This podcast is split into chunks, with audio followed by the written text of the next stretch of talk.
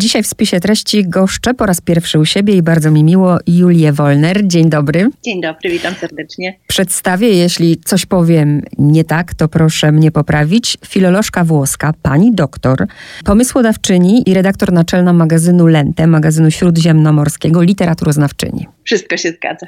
W moich rękach książka Alessandro Barbero Dante i na skrzydełku mamy też tutaj um, pani wpis o tym, że ta książka to ogromna intelektualna przyjemność. To prawda, ale zanim powiemy, co w tej książce znajdziemy, to mam taką świadomość i takie ciary naprawdę, że jest 14 września, czyli dokładnie rozmawiamy w 701. rocznicę śmierci Dantego. I tak myślę, co z nami będzie, pani Julio, za 700 lat. Cóż, chciałabym mieć nadzieję, że będziemy wspominane tak jak Dante, yy, aczkolwiek śmiem wątpić, że nam się to uda.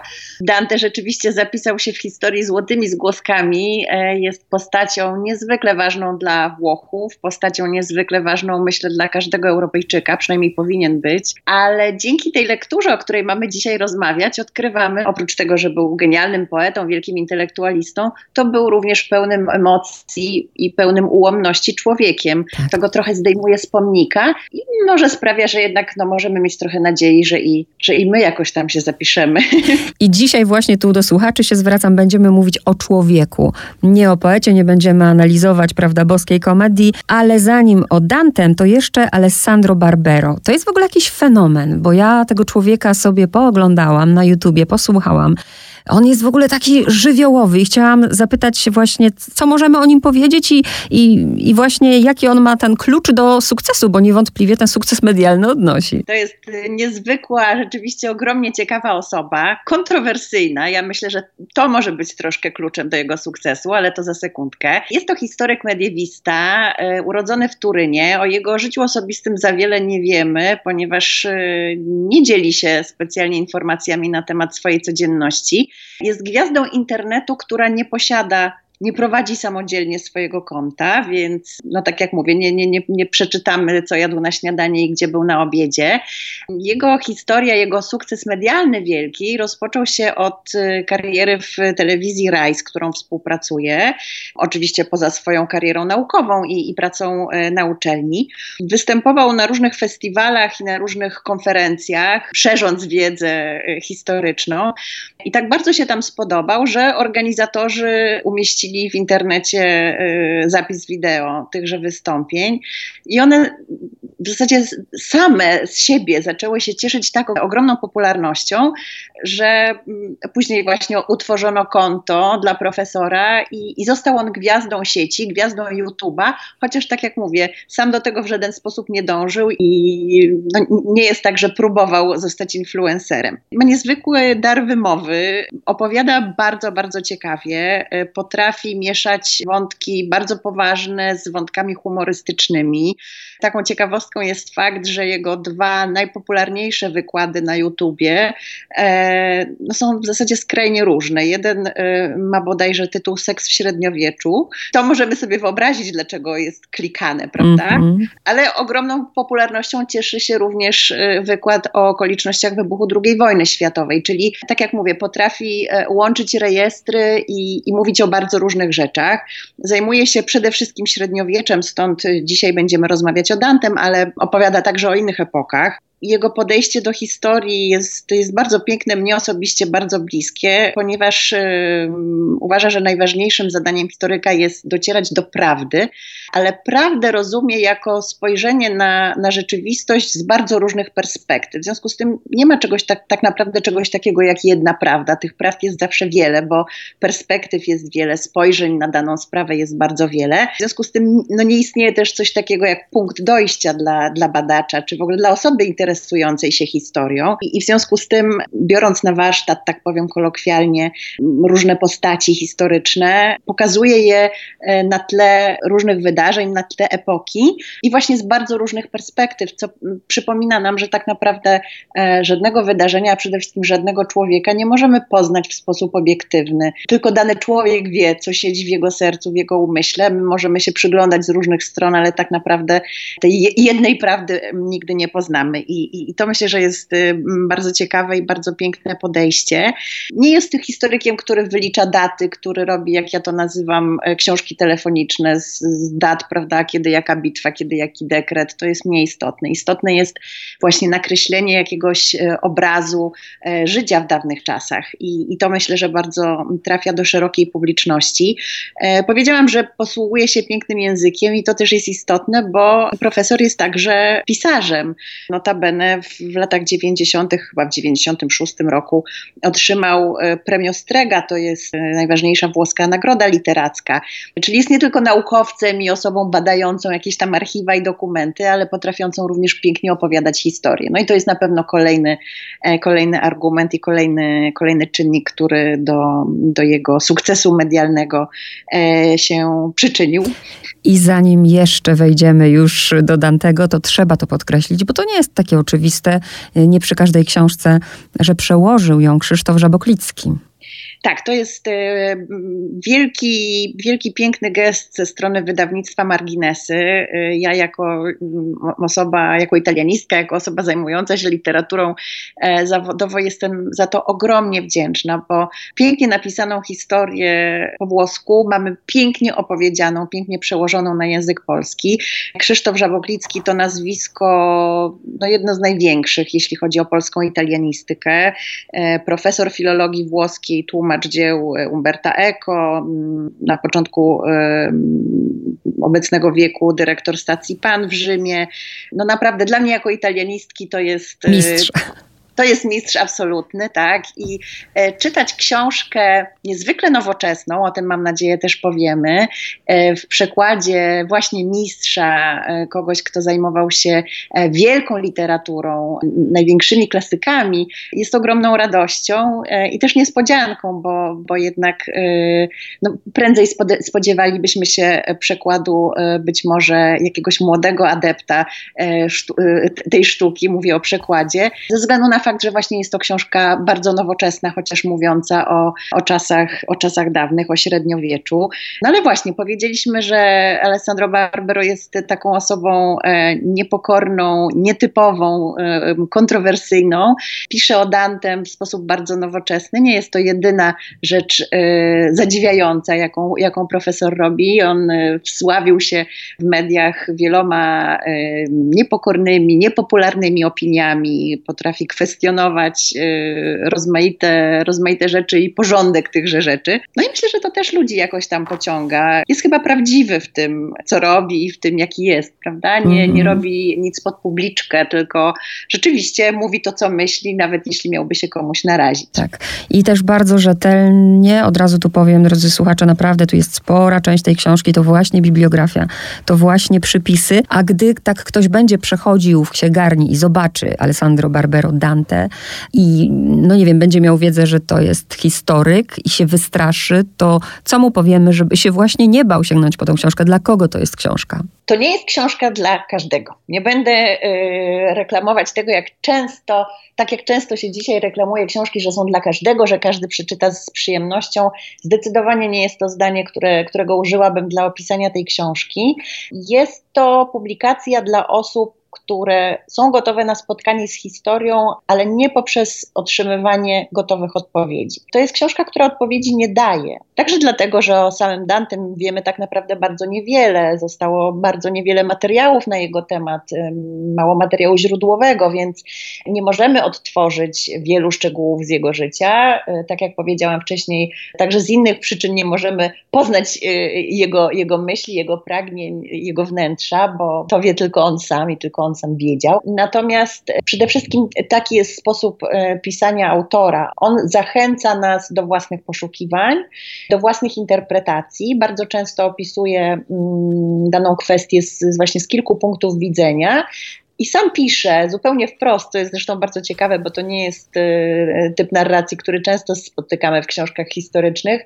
Pisze: Ja sam nie wiem, jak było albo piszący te słowa sam ma wątpliwości tak. do tego, jak sprawa mogła się potoczyć. Żadnych aksjomatów tam w tej książce nie znajdziemy. Tak.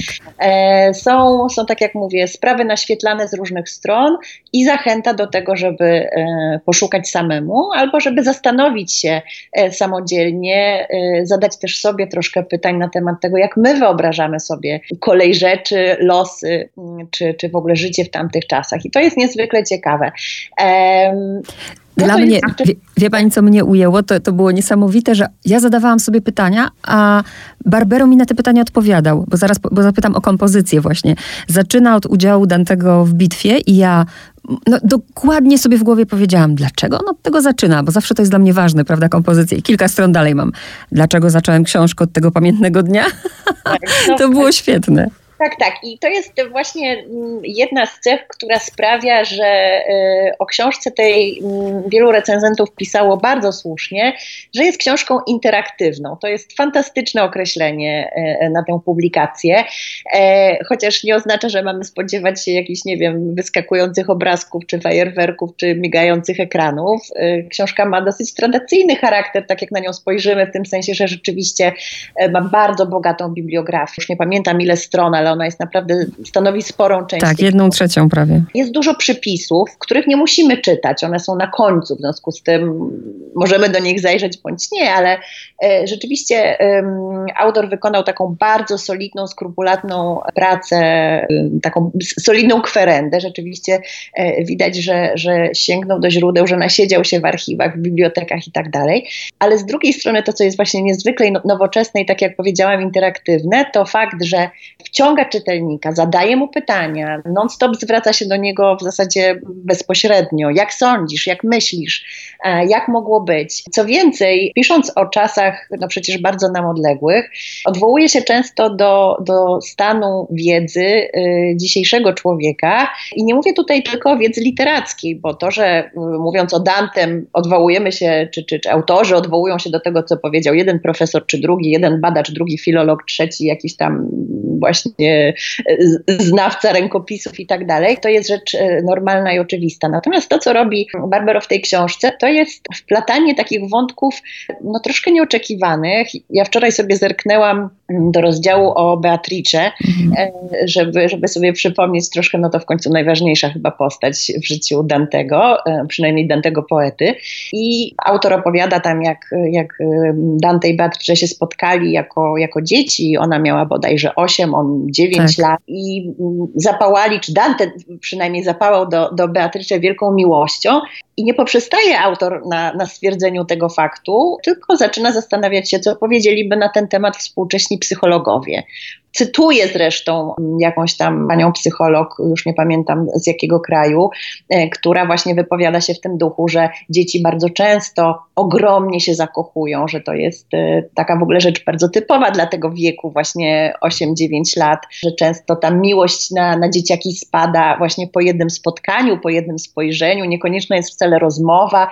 Jest to jakiś taki ewenement i fenomen psychologiczny doskonale znany dzisiejszym e, pedagogom, dzisiejszym psychologom, dzisiejszym specjalistom. Jestem przekonana, że w XIII wieku nikt pewnie o tym nie słyszał. No a autor e, książki właśnie e, wplata e, także, także takie elementy do swojej opowieści i to sprawia, że mamy taki pogląd na tamtą historię sprzed wielu wieków, no bardzo, bardzo współczesny i bardzo nowoczesny. Z drugiej strony, ja myślę, że takim najważniejszym morałem, jaki płynie z tej książki, to, że nie wolno oceniać ludzi z dawnych czasów dzisiejszą miarą. Tak. Właśnie ja też dlatego napisałam na, na okładce, że tak naprawdę nie wiemy po, po przeczytaniu tej książki, kim był Dante i jaki był. Także dlatego, że tak jak mówię, nie powinniśmy oceniać ludzi innej epoki dzisiejszą miarą. Oczywiście nasza wiedza na temat świata, na temat y, ludzkiej psychologii, na temat y, pewnych mechanizmów działania jest dzisiaj pełniejsza, ale też uwarunkowania są zupełnie inne. I to jest też, no myślę, taka ważna lekcja, którą, którą e, Barbero nam daje mm. właśnie w swojej książce. Skoro już ta Beatrycze mm, została wywołana, to jeszcze przy niej zostanę. Ja pamiętam, bo sobie przypominam szkołę i to, jak nas karmiono tą historią, prawda? Jak on ją zobaczył, jak go tam Boże. Pamiętam te, te swoje odczucia odczucia, a przy czytaniu, bo oni później po tych dziewięciu latach też się kolejny raz spotykają, on biegnie do tego pokoju i tak naprawdę to, to jest właśnie to, co ktoś sobie weźmie. Ktoś może się bardzo rozczarować. Nie, no jak to? Gdzie ta miłość? Okazuje się, że ona jest tylko i wyłącznie w głowie Dantego. Tak, nie wiemy tak naprawdę, czy to w ogóle była tak. miłość. Co wiemy, to co nam opowiada Dante w swoich tekstach. On o Beatrycze pisze dwukrotnie. Pisze w tak. Życiu Nowym i później powołuje Beatrycze na, na przewodniczkę po raju w boskiej komedii. Nie wiemy, czy to jest wszystko jego zupełnie świadomy zabieg, tak? Wymyślił sobie, że właśnie opisze taką kobietę, mm, że tak powiem, nada jej pewne cechy, które mógł sobie absolutnie wymyślić, prawda? Nie wiemy tego, czy to było świadome, czy nie.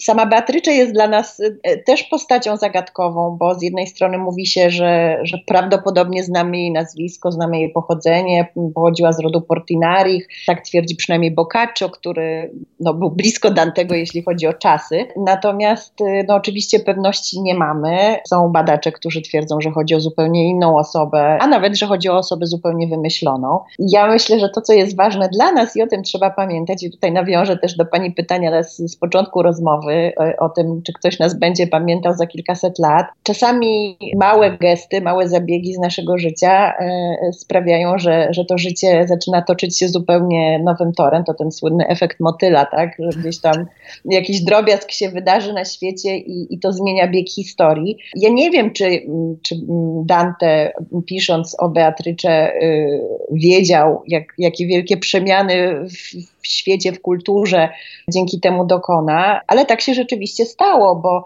epoka Dantego, średniowiecze, to był mm, taki moment w historii, kiedy wierzono w potęgę rozumu i w potęgę wolnej woli, potęgę silnej woli. Dante w swoich pismach filozoficznych pisał przecież także o, o polityce, o tym, że mm, nie wiem, władca na przykład to jest ktoś, kto e, panuje nad różnymi swoimi popędami, jest właśnie osobą pełną cnoty i tak dalej. I to, i to, była tak, to był taki ważny element no w ogóle wizji świata w tej epoce, a w pewnym sensie wprowadzając y, na scenę Beatrycze i opisując tę swoją wielką miłość, no Dante otworzył świat ku odrodzeniu, ku no, spojrzeniu na świat właśnie także przez pryzmat y, emocji, przez pryzmat miłości. To są nowe rzeczy i, i one trochę zmieniły w pewnym sensie właśnie bieg świata, no przynajmniej jeśli chodzi o literaturę, o sztukę, y, o kulturę w ogóle, ale myślę, że także jeśli chodzi po prostu o postrzeganie rzeczywistości. Także wielka rola Beatrycze, choć tak naprawdę nie wiemy, kim była i czy w ogóle była. Mm -hmm. Sporo miejsca Barbero też poświęca właśnie pochodzeniu Dantego,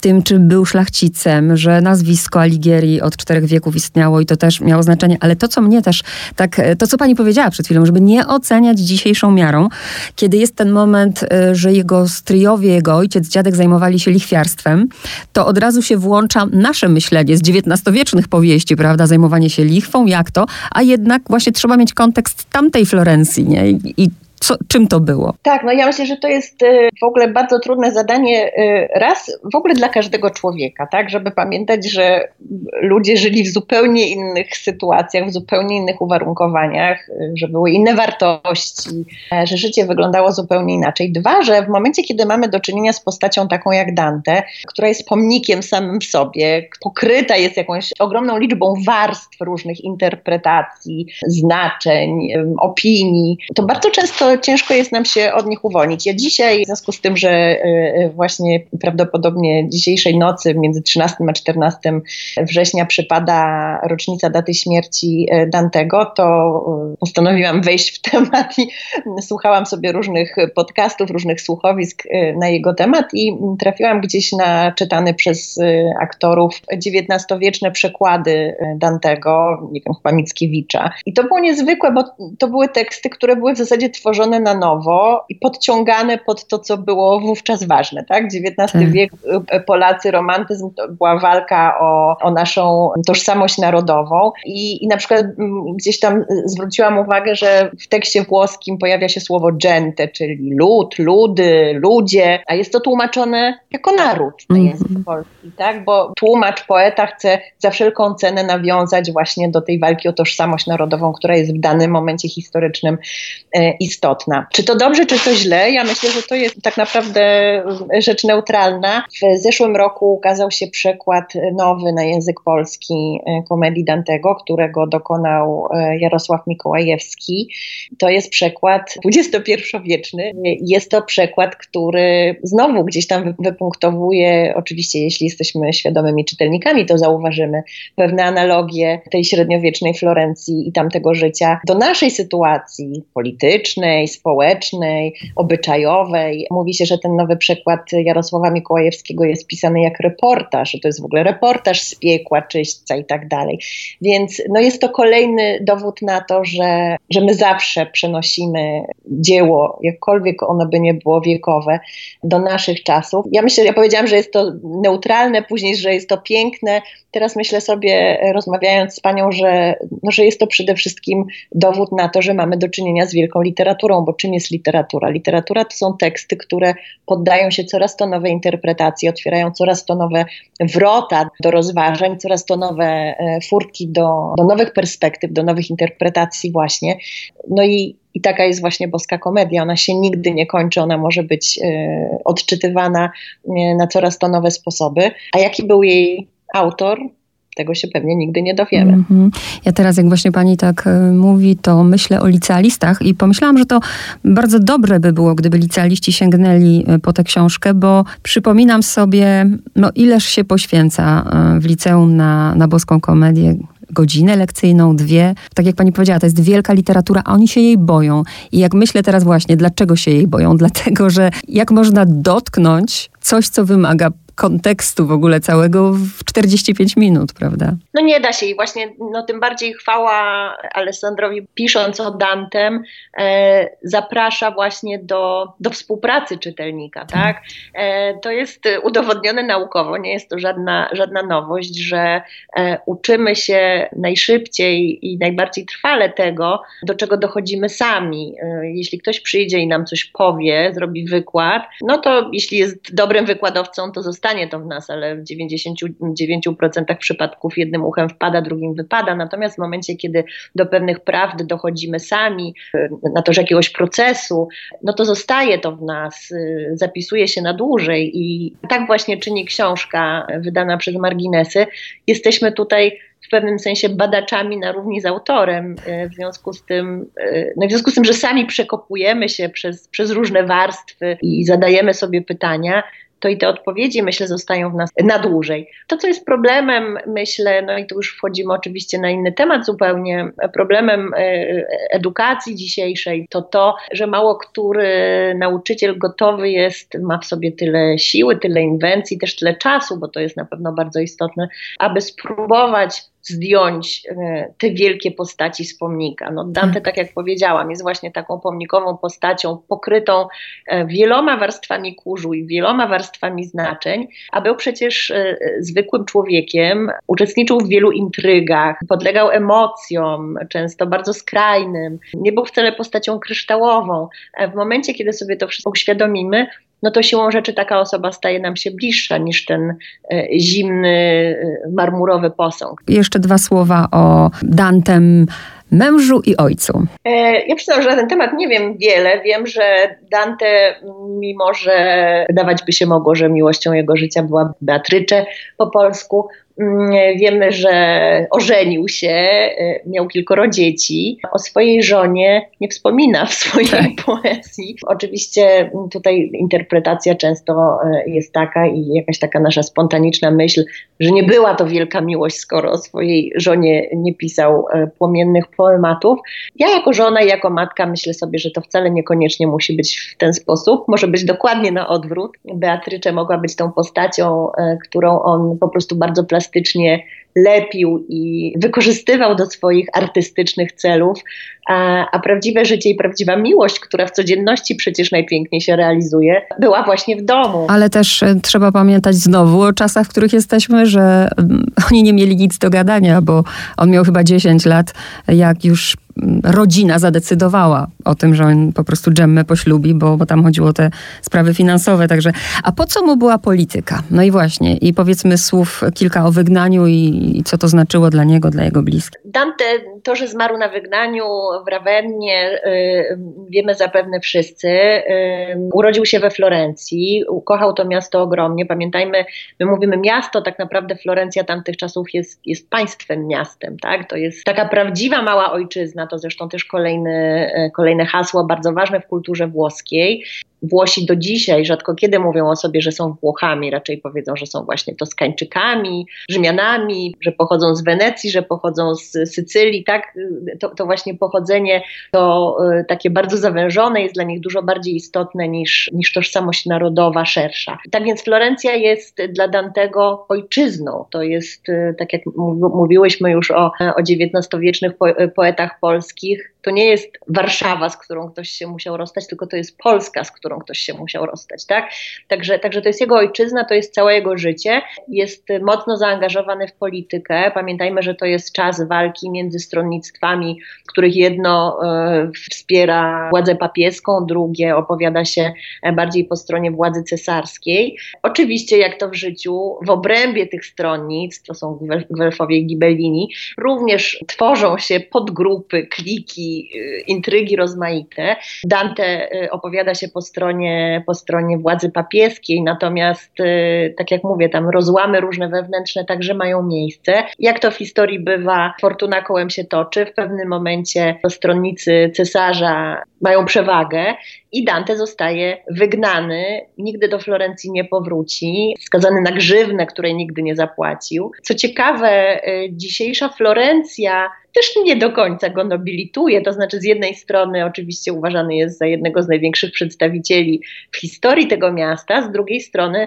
są mieszkańcy Florencji i, i historycy Florencji do dzisiaj, którzy twierdzą, że no właśnie nie zapłacił tej grzywny, wcale nie zachował się do końca tak, jak powinien, jednak umarł na obczyźnie, chociaż no umówmy się, to nie, nie, jest taka wielka odległość, nie to, że umarł gdzieś za granicą, ale umarł poza Florencją i w związku z tym, e, no może wcale tak bardzo tej Florencji nie kochał, skoro nie zrobił wszystkiego, żeby, żeby tam wrócić. Także no znowu, historia bardzo złożona, e, tak jak mówię, pełna intryg, pełna emocji. Myślę, że to wszystko było Dantemu potrzebne, aby mógł stworzyć tak wiekopomne dzieło, no bo wiadomo, że artystom potrzebne są silne przeżycia i, i potrzebne są te bodźce i potrzebna jest obserwacja złożoności świata, aby mogły powstać y, tak wspaniałe poematy. Myślę, że gdyby nie te historie i nie ta polityka i nie te intrygi, nie te wielkie emocje, to być może nie czytalibyśmy dzisiaj komedii. Kończąc już też tak myślę, że mm, wracając do tego, co pani powiedziała, że to nie jest książka dla każdego, bo rzeczywiście nie każdego Dante interesuje, ale jeśli chcecie nie tylko o nim więcej wiedzieć, ale przede wszystkim zrozumieć bardziej boską komedię, bo przecież Barbero tutaj i cytuje i odnosi się, to myślę, że ta książka będzie mm, bardzo przydatna i pomocna. E, zdecydowanie tak, tym bardziej, że mimo całej jej złożoności, mimo tego bogactwa źródeł, bibliografii e, i pewnego stopnia trudności, który jest niezaprzeczalny, jest to również książka, którą czyta się naprawdę fantastycznie e, i bardzo szybko. E, niektórzy twierdzą, że czyta się jak powieść. E, ja się z tym nie zgadzam. Wydaje mi się, że to jest takie łatwe stwierdzenie, chwytliwe, które, które się fajnie klika, bo jest to książka, która jednak wymaga zaangażowania, chociażby właśnie dlatego, że, że tak jak powiedziałyśmy, zadaje dużo pytań. Natomiast jest po prostu absolutnie pasjonująca i, i nie można się od niej oderwać. Było tak w moim przypadku, chociaż y, moją epoką nie jest średniowiecze. Ja y, serce zostawiłam w starożytnym Rzymie i, i Florencja i średniowiecze średniowiecze to nie są moje tereny, a nie mogłam się od niej oderwać i z, z wielką radością napisałam tych kilka słów na okładkę i, i, i, staram się o tej książce opowiadać, bo wydaje mi się, że, że jest, naprawdę, jest to naprawdę znakomita publikacja. Oby było takich więcej w naszych księgarniach, y, bo, bo tak jak powiedziałam, to jest właśnie prawdziwa nauka przez pytania, przez poszukiwania, przez własne dochodzenie do pewnych odpowiedzi. Julia Wolner, pięknie dziękuję za rozmowę. Dziękuję serdecznie.